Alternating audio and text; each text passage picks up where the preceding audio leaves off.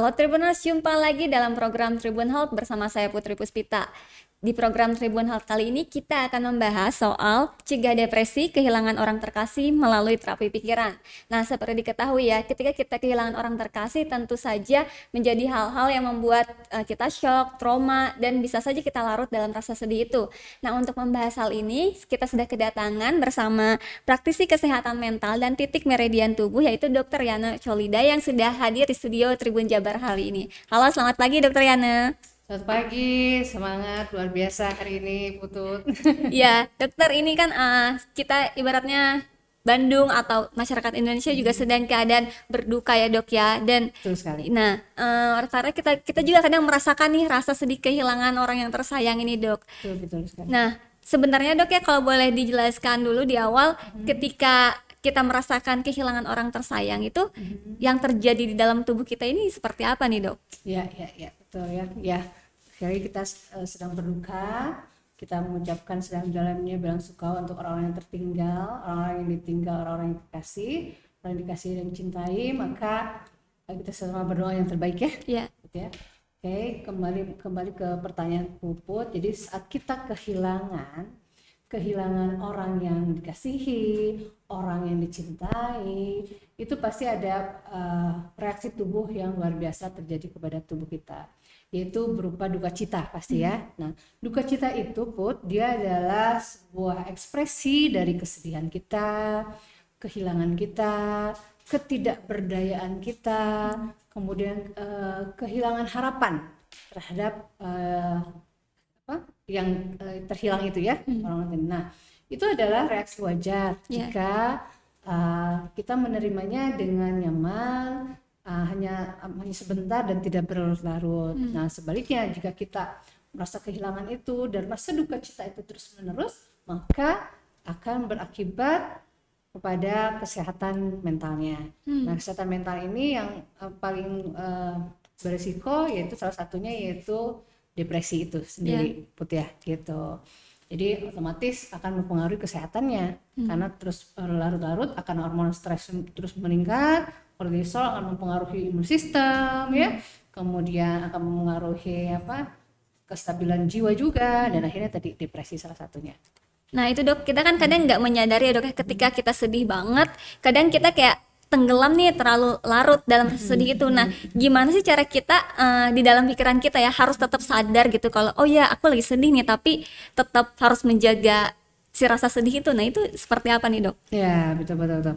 Ya, pertanyaannya bagus ya Putih ya. Jadi bagaimana cara mengatasinya yeah. ya agar kita tidak terlanjur menjadi depresi itu sendiri. Hmm. Yang pertama itu ya tetap uh, berikan waktu diri kita untuk sendiri dulu hmm. ya. Karena pada saat kejadian itu muncul, kejadian yang datangnya tiba-tiba ya, kehilangan seseorang atau musibah lainnya otomatis datangnya tiba-tiba. Nah, pada saat tiba-tiba itu kadang kita uh, merasa uh, kok seperti ini gitu ya, mengapa saya uh, dikasih apa ujian seperti ini mengapa saya harus kehilangan seperti ini jadi berilah waktu untuk sendiri dulu hmm. apalagi kalau orang-orang uh, apalagi seseorang yang ditinggal oleh orang yang terkasih itu pasti begitu ada kejadian atau orang yang tidak ada kehilangan atau meninggal atau wafat otomatis kan keluarga kita nih datang ya yeah. gitu. jadi dia, dia otomatis tidak punya waktu untuk sendiri nah, yeah. jadi yang pertama adalah berikan waktu diri kita untuk sendiri dulu hmm. ya di situ dia uh, beri waktu kemudian yang kedua uh, luapkan semua perasaannya. Ya jadi mungkin selama ini kita berusaha tegar yeah. betul berusaha menahan tangisan ternyata dengan berusaha tegar atau berusaha menahan tangisan itu membuat dia tambah terluka oh. jadi biarkan luapkan perasaannya hmm. gitu ya dengan meluapkan perasaannya entah entah entah dia uh, mau di kamar uh, menangis yeah. gitu ya atau menulis di kertas hmm. atau misalnya sharing-sharing di medsos-medsos misalnya yeah. memberitahukan bahwa anggota keluarganya tiada seperti itu itu adalah salah satu meluapkan ekspresinya yeah. duka cita itu kemudian setelah itu ketiga nah itu dekatkan diri kepada agama ya, hmm. ya otomatis ya yeah. apa pun yang terjadi adalah uh, atas izin dari Tuhan itu sendiri. Hmm. Apa pun yang terjadi ini semua atas izin dari uh, Allah Tuhan kita itu hmm. seperti itu. Nah, setelah kita melihatkan diri kepada eh, agama, baru yang keempat put. Nah ini terapi pikiran. Ah. Hmm, itu utamanya. Nah itu. Nah, tapi dok yang tadi di awal dijelaskan kan Mhm. butuh waktu sendiri nih. Nah, kadang-kadang eh, kadang ada nih orang-orang terdekat tuh kayak menggali-gali kemarin kejadiannya seperti apa. Mhm. Terus jadi kan teringat kembali ada si momen-momen itu. Sebenarnya itu bagus nggak sih dok kalau mengeluarkan ekspresi kayak mengorek-ngorek kembali si momen yang sebenarnya bikin kitanya tuh merasa sedih gitu dok. Betul betul betul ya. Kalau secara eh, agama ya, untuk kita datang berkunjung atau apa ikut berduka cita kepada seseorang itu memang tidak baik untuk kita mengorek kejadian ya kalau secara agama. Kenapa? Karena agama itu ada perintahnya bah- bahwa pada saat kita takziah atau mengunjungi orang yang meninggal itu buatlah mereka eh, bergembira, buatlah mereka mem- memiliki perasaan yang eh, apa namanya apa mengembirakan mereka gitu ya, membuat mereka senang bukan membuat mereka tambah sedih ya.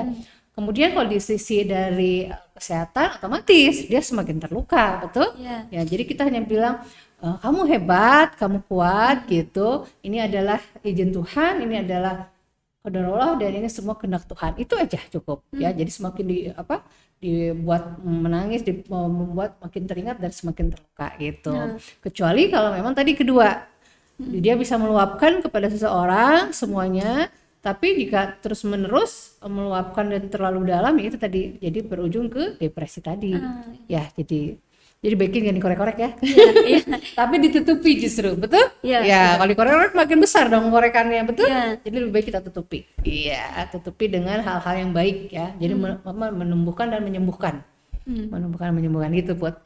Dok, kayak tadi kan ketika rasa sedih itu terlalu larut, terus nanti kita berujung kayak depresi. Nah, itu tuh memang fase-fase yang pasti bakal terjadi atau bagaimana sih dok supaya kita nggak berujung ke arah depresi gitu dok? Ya, ya betul. Depresi itu betul betul. Depresi itu adalah akhir dari apa eh, perasaan yang duka cita yang sangat dalam, kehilangan yang sangat dalam. Dia tidak bisa memanajemen dirinya, tidak bisa merubah pikirannya dari pikiran yang negatif menjadi positif. Terus ada perasaan itu dan akhirnya suasana hatinya berubah.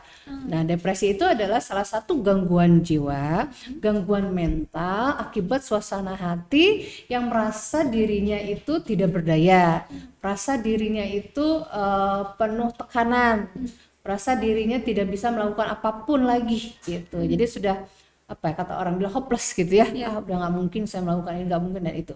Itu adalah salah satu ciri eh, depresi. Dan depresi yang disebut berat itu ada cenderung untuk eh, menyakiti diri sendiri atau cenderung untuk eh, ada apa keinginan untuk bunuh diri. Nah itu yang udah lebih parah lagi ya. Jadi ada depresi mayor dan ringannya seperti itu. Itu yang berat sekali gitu, Put. Berarti dok si depresi itu memang muncul karena pikiran kita sendiri juga apa gimana dok? Betul. Jadi dari pikiran dari suasana hati yang akan merubah pikiran kita. Jadi semua berawal dari hati, ya. Pada saat hati itu eh, kita sedih, otomatis pikiran kita juga akan mengirimkan sinyalnya sedih ke pikiran kita seperti itu. Sebaliknya eh, pada saat pikiran kita eh, terus masuk-masuk pikiran negatif, akhirnya suasana hati semakin luka dan semakin jadi saling berhubungan Oh ya. hati dan pikiran itu, ya Put ya, ya. gitu. Nah, oke makanya nih Tribuners tetap harus berhati-hati nih dengan apa yang kita pikirkan. Jangan sampai kita malah menanamkan pikiran-pikiran negatif nih sama diri kita. makanya tadi Dokter Yana menjelaskan ketika merasa sedih atau apa pun ternyata ada solusinya nih dengan terapi pikiran ya dok ya. Ya. Dan akan dijelaskan nih sama Dokter Yana. Boleh dijelaskan nih dok. Gimana sih terapi pikiran itu? boleh. Boleh sama-sama ya kita. Jadi terapi pikiran itu yang pertama pada saat kita mendapat ujian pada saat kita mendapat musibah dari orang yang kehilangan itu kit- yang pertama kali yang harus kita lakukan adalah kita menerimanya ya gitu. Nah contoh nih Put kalau Puput ujian ya kira-kira dikasih soal ujian nih apa yang pertama kali harus Puput lakukan? Dikasih soal ujian nih Nah, apa yang pertama kali Puput baca dulu soalnya ya ini tentang apa? Nah, tadi yang pertama adalah harus Menerima. menerima Ya. dulu. Jadi terima dulu. Betul? Nah, itu. Jadi kadang manusia itu pada saat diberikan soal ujian dari Tuhan, dia tidak mau menerima. Oh iya. Betul? Padahal sudah jelas yang pertama itu eh, terima dulu soalnya, terima dulu ujian ini. Karena eh, dengan kita diberikan ujian ini artinya kita orang yang terpilih oleh Tuhan, orang yang dipercaya oleh Tuhan untuk menerima soal ujian ini. Artinya yang pertama kita terima dulu, ya betul. Nah sudah kita terima, baru kita, nah udah diterima nih sama Puput, baru kita kerjakan. Betul? Ya. Kerjakannya bagaimana? Merubah si pikiran yang negatif tadi bahwa tadi ya, eh, saya di- saya menerima soal ini, setelah diterima soal ini kita kerjakan dengan sepenuh hati. Betul? Bahwa bersyukur saya diberi ujian ini karena Tuhan percaya kepada saya. Bersyukur saya diterima diberikan ujian ini karena saya akan eh, naik. Kalau di agama agama kita ya sama ya eh, akan naik derajat kehidupan kita. Kemudian kita akan menggugurkan dosa-dosa kita di masa lalu. Ya. seperti itu. Artinya Tuhan begitu percaya kepada kita bahwa inilah kamu yang terpilih. Hmm. nah sudah terima mengerjakan soal jadi kerjakanlah si soal ujian itu dengan baik ya Ya. dengan sepenuh hati. Maka dengan eh, menerima eh, soalnya dengan sepenuh hati dia akan menerima dengan ikhlas eh, lapang dada dan akhirnya dia lebih apa lebih tenang ya. Sudah melakukan melak- apa tadi menerima dan mengerjakan hasilnya ada Tuhan yang menentukan. Betul? Hasilnya kita mengerjakan yang baik otomatis akan baik ya. Ya. sebaliknya mengerjakan yang eh, buruk akan hasilnya pun akan buruk. Nah setelah tadi eh, yang pertama menerima kemudian mengerjakan nah kita rubah semua eh, yang diterima dan dikerjakan itu dengan rasa kita dengan pikiran kita tadi Hmm. ya jadi kita rubah dulu hati suasana kita dari yang sedih menjadi Senang. senang dan bersyukur Oh. betul karena saya adalah orang yang terpilih nah dari hati yang bersyukur dengan hati yang positif bahwa saya diberi ujian ini akan naik derajat. Saya diberikan ujian ini akan naik eh, naik apa? Eh, akan menggugurkan dosa saya. Dan saya diberi ujian ini saya akan diberikan eh, derajat lebih tinggi lagi di sisi Tuhan. Itu kan? Hmm. dari feelnya kita rubah dari hati maka dia akan merubah si pikiran. Nah betul nggak? Ya. dari hati akan merubah Pikiran kita. pikiran. Maka dengan pikiran yang positif, yang selalu bersyukur kepada Tuhan, berprasangka baik kepada Tuhan dan sekitarnya, yakin bahwa ini adalah uh, ujian yang terpilih, terpilih dan kita adalah orang yang terpilih, maka akan merubah ucapannya. Oh, oke. Betul? Dari hati menjadi pikiran, betul? Pikiran terus-menerus positif akan menghasilkan sebuah ucapan yang Positif juga. yang ya. baik juga positif. Jadi kata-kata saya tidak bisa hidup tanpa saya tak kali cerita kepada orang tua, saya hidup sendiri, saya uh, putus semangat. Nah, itu dirubah karena hati kita dirubah, pikiran dirubah, berubah otomatis menjadi saya bisa hidup mandiri. Hmm. Betul? Saya bisa uh, menjalankan ini lebih baik lagi. Saya tahu Tuhan mampu dan yakin saya bisa mandiri. Nah, itu kan dirubah ya. Otomatis ucapannya pun baik kan, positif. Nah, dari ucapan yang terus-menerus, terus-menerus, terus-menerus akan menghasilkan sebuah apa setelah ucapan action, tindakan. Otomatis tindakannya juga yang baik, aktivitasnya kembali normal, betul? Dia kembali eh, bersosial sosialisasi dengan sekitarnya seperti itu. Mau bertemu dengan orang lain, betul? Nah, setelah melakukan action atau tindakan yang terus menerus yang baik, maka dia akan membentuk kebiasaan yang baru, betul? Ya. Kebiasaan yang baru dari tindakan menjadi kebiasaan tindakan yang berulang yang baik akan menjadi sebuah Kebiasaan. kebiasaan ya dan kebiasaan yang terus menerus akan membentuk sebuah karakter atau sifat seseorang. Oh, Nah, jadi intinya bisa dirubah tidak? bisa. Bisa juga. melalui Terapi pikiran. pikiran tadi. kita. Jadi pikiran kita harus dirubah. Hmm. Ya, gitu Put. Ya. Tapi dok ini eh, ini fase-fasenya tadi udah dijelasin nih sama dokter Yana. Tapi betul. ketika kita menerima soal itu, Mm-mm. terus kita mau coba yaudah deh kerjain nih soalnya. Heeh. Tapi kadang nggak sinkron gitu gitu dok. Apa yang dirasain sama otak kita tuh yang kita masih merasa sedih, tapi otaknya yang aduh harus melakukan hal apa dulu nih Iya, gitu betul betul. Wajar ya, Put ya. Wajar pada saat kita diberi soal ujian, rata-rata kita ingin merubah soalnya. Nah ya. Betul ya? Iya. Ya. Soalnya kenapa sih harus begini gitu? Iya. Karena ini padahal sudah ditentukan oleh Tuhan ini soal kamu yang pas kan gitu. Pada saat ada pro dan kontra hati kita, kita harus menyamakan hati dan pikiran. Hmm. Ya, jadi apa yang kita dipikir- pikirkan dengan hati sa- satu irama. Jadi pada saat kita mengerjakan, tadi kan kita butuh dulu waktu sendiri, betul? Ya. sudah eh, waktu sendiri kita luangkan waktu juga untuk melepaskan semuanya. Nah, pada saat kita melepaskan atau em, melepaskan semua emosi kita dan mengerjakan itu boleh dilepaskan semuanya. Hmm. Rasa itu pada saat mengerjakan maka dia akan lepas dan rilis semuanya. gitu. Jadi lama-lama dengan mengerjakan mengerjakannya seperti itu, feel-nya itu akan berubah. Makin lama dari sedih berubah moodnya menurun, akhirnya lebih bersyukur dengan kejadian itu. Ya, gitu. Wah ini sebuah ilmu baru ya dari dokter Yana keren banget nih dok. Jarang kan nih ada dikasih tahu kayak gini ya dok ya. Ya, alhamdulillah jadi ada beberapa penelitian dengan teknik seperti ini eh, luar biasa untuk terapi diri ya, terutama untuk diri sendiri dulu kan ya. Ya. Karena sebaik-baiknya manusia kan berguna dulu untuk diri kita sendiri, kemudian keluarga, baru lingkungan yang besar ya.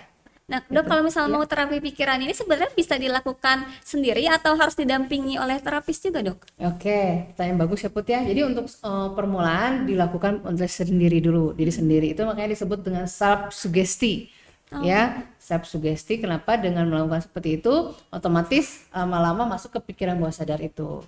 Karena dari pikiran ini kan kenapa disebut pikiran? Karena pikiran itu terbagi menjadi dua. Ada pikiran bawah sadar, subconscious mind dan pikiran sadar. Nah, itu yang harus kita eh, dalami. Nah, pada saat kita tidak bisa melakukannya sendiri, kita bisa dibantu oleh tenaga eh, profesional atau hipnoterapis medis, ya seperti itu. Tapi dengan melakukan sendiri eh, bisa itu luar biasa berarti. Dia hubungan eh, dirinya dengan apa mengenal dirinya lebih banyak, kemudian hubungan dia dengan Tuhan juga lebih banyak. Jadi otomatis lebih mudah dia melakukan gitu.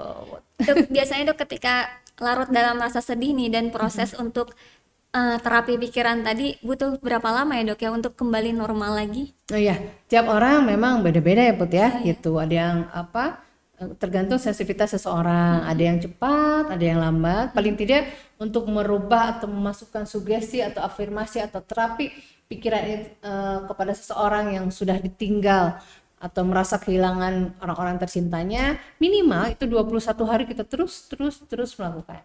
Oh, ya gitu. Untuk anak-anak ada beberapa penelitian antara 15 hari ya lebih cepat ya anak itu. Tapi untuk dewasa yang sudah balik atau yang eh, yang sudah ada gelombang otak betanya itu memerlukan waktu kurang lebih sampai 21 hari terus menerus kita melakukan afirmasi. Saya bisa, saya mampu gitu kan. Iya. Eh, kejadian ini adalah eh, kehendak Tuhan. Saya dipercaya oleh Tuhan dengan kejadian ini. Ya terus selalu afirmasikan setiap harinya seperti itu, Pot.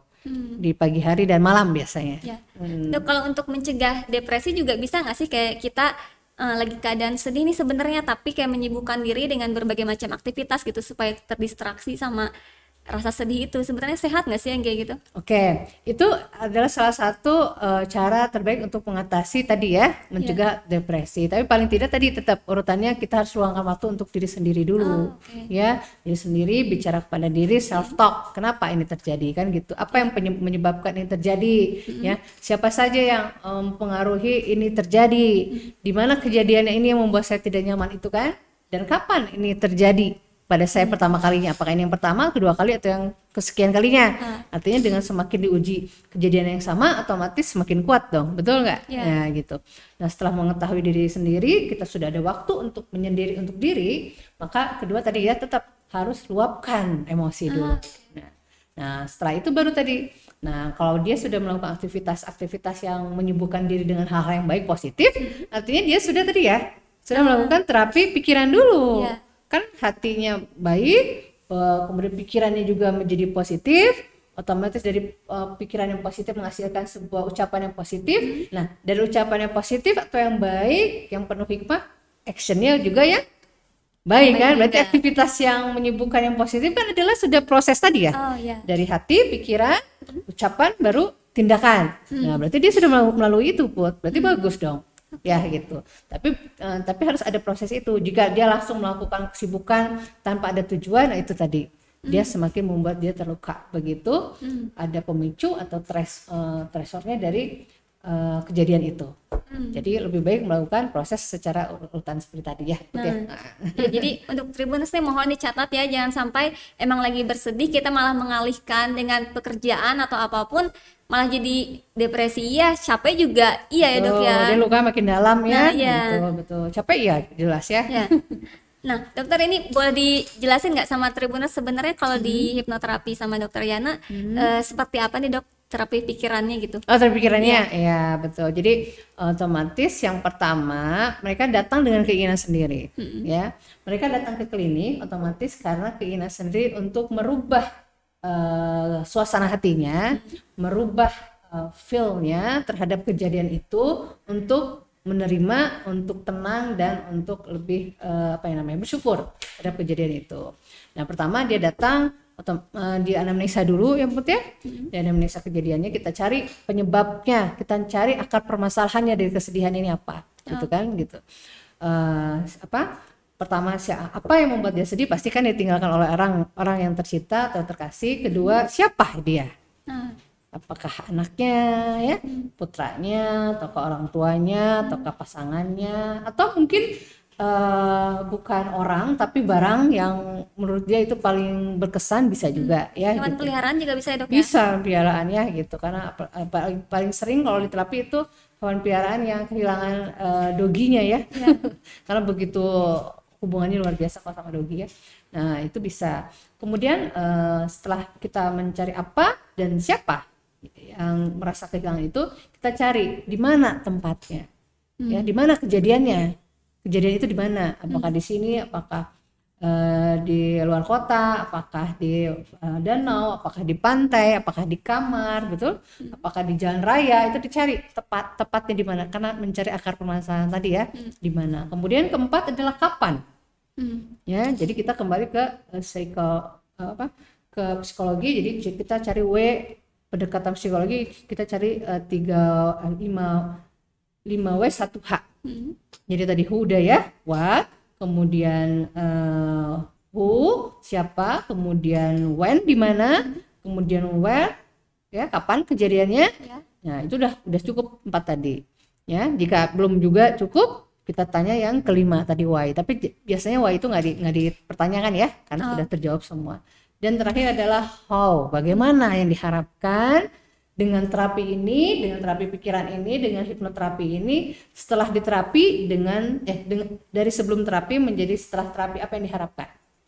Setelah diterapi itu kan dia ingin diharapkan begini-begini. Nah, Ya. kita sesuaikan dengan apa yang diharapkan Hmm. kita lakukan proses terapi kemudian tekniknya kita ada sugesti mundur ke masa lalu ke kejadian itu namanya regresi ya regresi ke masa lalu kemudian dari kejadian itu dia masuk ke pikiran bawah sadarnya sebagai orang atau sebagai penonton dari kejadian itu namanya itu asos eh, namanya disosiat jadi dia hanya menonton saja Oh. tekniknya disosiasi gitu. Setelah itu setelah mengambil kejadian hikmah positifnya dari situ eh, menonton kejadian itu kemudian mundur ke eh mundur maju lagi ke masa sekarang.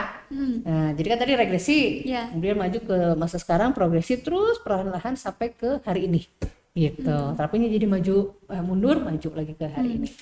Nah, kemudian sudah maju ke hari ini. Nah, setelah prohipnosis atau post hipnotik kita lakukan lagi su- masukkan lagi sugesti.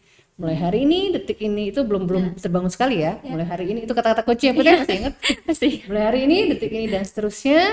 Setiap saya meng- mengingat kejadian itu, saya semakin kuat, saya semakin mendekatkan diri kepada Tuhan, dan saya semakin bersyukur karena saya adalah orang yang terpilih dari Tuhan dengan kejadian itu. Contoh ya, Ya. seperti itu. Jadi dengan mem- memasukkan afirmasi terus-menerus, pada saat dia betul bangun di hitungan ke-10, dia bangun dalam keadaan sehat, bugar dan semakin menerima kejadian itu.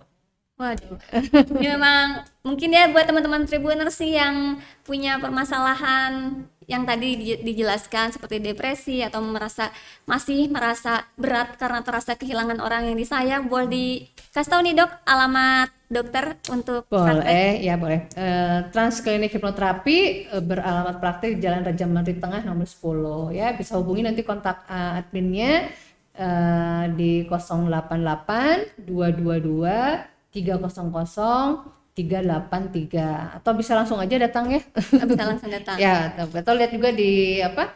Di eh, Instagram ada @klinik_hipnopuncture. Ada di situ bisa lihat ya. Di situ juga gitu. Jadi promosi nih. Iya. Nggak dipuput. pasti kemarin tuh sempat ada juga dok yang teman ada yang nanya di mana ya? Terus ya juga ya tempat kayak gini tuh jarang banget gitu ya kan ya dok ya. Betul, jadi betul. kadang eh, sebenarnya tempatnya ada tapi informasinya masih sangat minim. Langsung dong. minim Ya. ya betul. Memang kalau kasus-kasus hipnoterapi itu harus ada sesuai dengan perjanjian Oh, gitu. Karena saya memang hariannya dengan eh, praktek akupuntur dan eh, praktek akupuntur.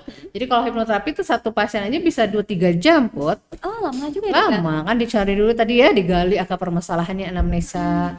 Sudah udah ketemu akar permasalahannya baru kita lakukan tes suggestibility dulu. Dites dulu orangnya gimana, dia termasuk suggestible enggak?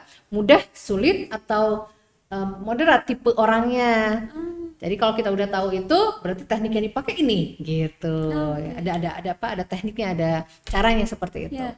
Nah, kurang lebih itu kalau di awal itu antara 2-3 jam pertama pertemuan itu. Makanya harus sesuai dengan uh, perjanjian gitu. Jadi biar apa tidak menunggu dan apa lebih fokus kita ke satu kasus ya gitu. Oke, ini Dokter Ana terima kasih nih waktunya sudah mau ngobrol-ngobrol sama Tribuners dan membahas soal terapi pikiran yang sebagai informasi baru nih sama Tribuners ini. Eh, dokter boleh eh, closing statement buat eh, acara hari ini dok? Oke ya Bismillahirrahmanirrahim. Memang cegah depresi paling baik dengan terapi pikiran. Yuk mulai sekarang change your mind, change your life. Artinya pada saat kita merubah pola pikir kita, maka hidup kita berubah secara otomatis. Itu saja mungkin Putri. Oke. Baik, eh, Tribuners, tak nggak kerasa ya kita udah ngobrol dan kalian bisa tonton informasi lagi tentang eh, YouTube hari ini di YouTube channel Tribun Jabar dan juga jangan lupa untuk terus perbarui informasi kalian di tribunjabar.id dan tribuncerbon.com. Eh, sampai ketemu lagi di program selanjutnya. Saya Putri Puspita, pamit undur diri. Sekian.